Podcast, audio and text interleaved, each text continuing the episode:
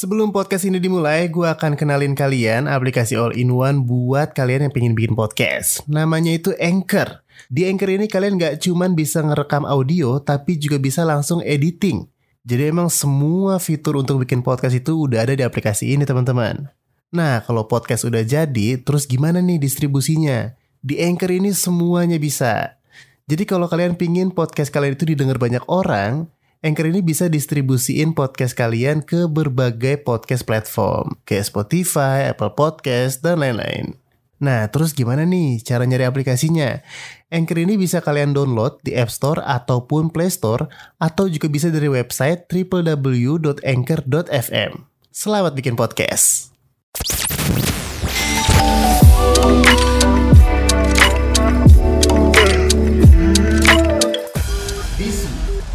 Beragam isu. Selamat datang kembali di Bisu. Info pertama, kali ini kita buka dari kota Jakarta, di mana pemerintah provinsi atau Pemprov DKI Jakarta ini mencatat kasus kematian nihil akibat COVID-19 pada Selasa 16 Februari, teman-teman. Jadi, catatan nihil kasus kematian akibat COVID-19 ini pernah terjadi pada 2 Agustus 2020 terakhir kali dan pada masa itu sebanyak 852 orang itu dipastikan meninggal dunia akibat COVID-19. Dan sampai Selasa 16 Februari kemarin, sudah ada 4.987 orang yang dilaporkan meninggal akibat COVID-19. Jadi adanya laporan nihil kasus kematian akibat COVID-19 ini pastinya merupakan kabar yang baik banget untuk kita warga Jakarta karena selama dua pekan terakhir juga laporan kasus kematian akibat COVID-19 di Jakarta itu cukup tinggi teman-teman yang berkisar sekitar 20 sampai 50 kasus per hari. Dan Jakarta juga pernah mencatat penambahan kasus kematian tertinggi di 1 Februari 2021 yaitu 70 orang. Jadi hari Selasa 16 Februari kemarin itu sebanyak 297.695 orang dinyatakan sembuh dari penyakit COVID-19 dengan tingkat kesembuhan mencapai 93,2 persen. Wow, dan jumlah kasus aktif di Jakarta turun sebanyak 258 kasus. Jadi dengan demikian saat ini masih ada 16 ribuan kurang lebih pasien yang menjalani perawatan atau isolasi. Dari total kasus COVID-19 di Jakarta yang mencapai 300 ribuan orang teman-teman. Lanjut ke informasi kedua, jadi kalau masih ingat di episode awal-awal bisu ini kita sempat kasih bocoran sedikit tentang film Stand By Me Doraemon jadi sekarang ada kabar yang lebih gembira lagi untuk kalian semua penggemar karakter Doraemon karena film Stand By Me Doraemon 2 ini udah resmi tayang teman-teman mulai hari ini di bioskop CGV dan juga XX1. Sebelum lanjut, gue bakal kenalin aplikasi all-in-one buat kalian yang mau bikin podcast. Namanya itu Anchor.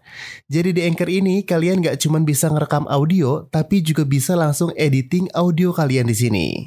Nah, terus kalau podcastnya udah jadi, gimana nih distribusiinnya? Di Anchor semuanya itu bisa. Kalau kalian itu pengen podcastnya didengar sama banyak orang, Anchor ini bisa distribusiin podcast kalian ke berbagai podcast platform, kayak Spotify, Apple Podcast, SoundCloud, dan lain-lain. Cara punya aplikasinya juga gampang banget. Kalian tinggal download di App Store atau Play Store.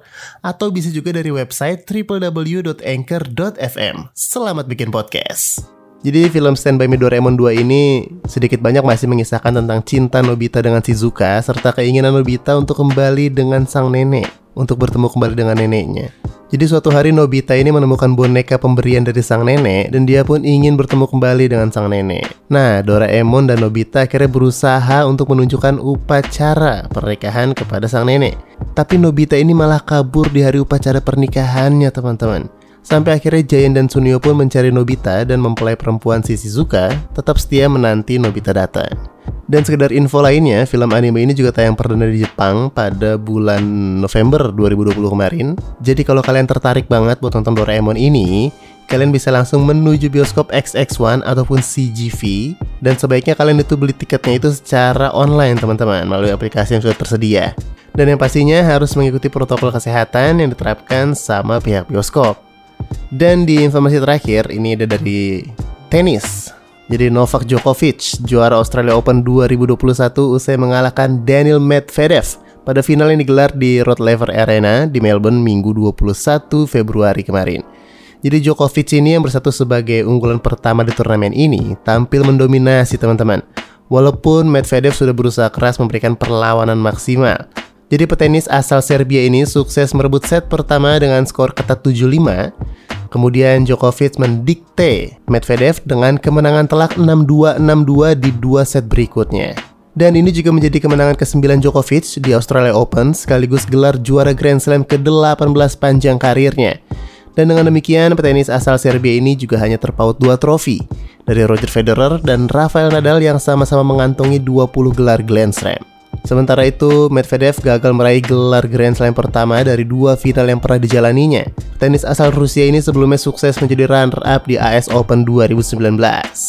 Oke, itu dia info-info positif dari Bisu episode kali ini. Semoga kalian tetap sehat-sehat di sana. Dan jangan lupa selalu dengerin Bisu di mana pun dan kapan pun teman-teman. Karena kita tuh selalu upload di tiap hari. Sampai ketemu lagi di episode selanjutnya.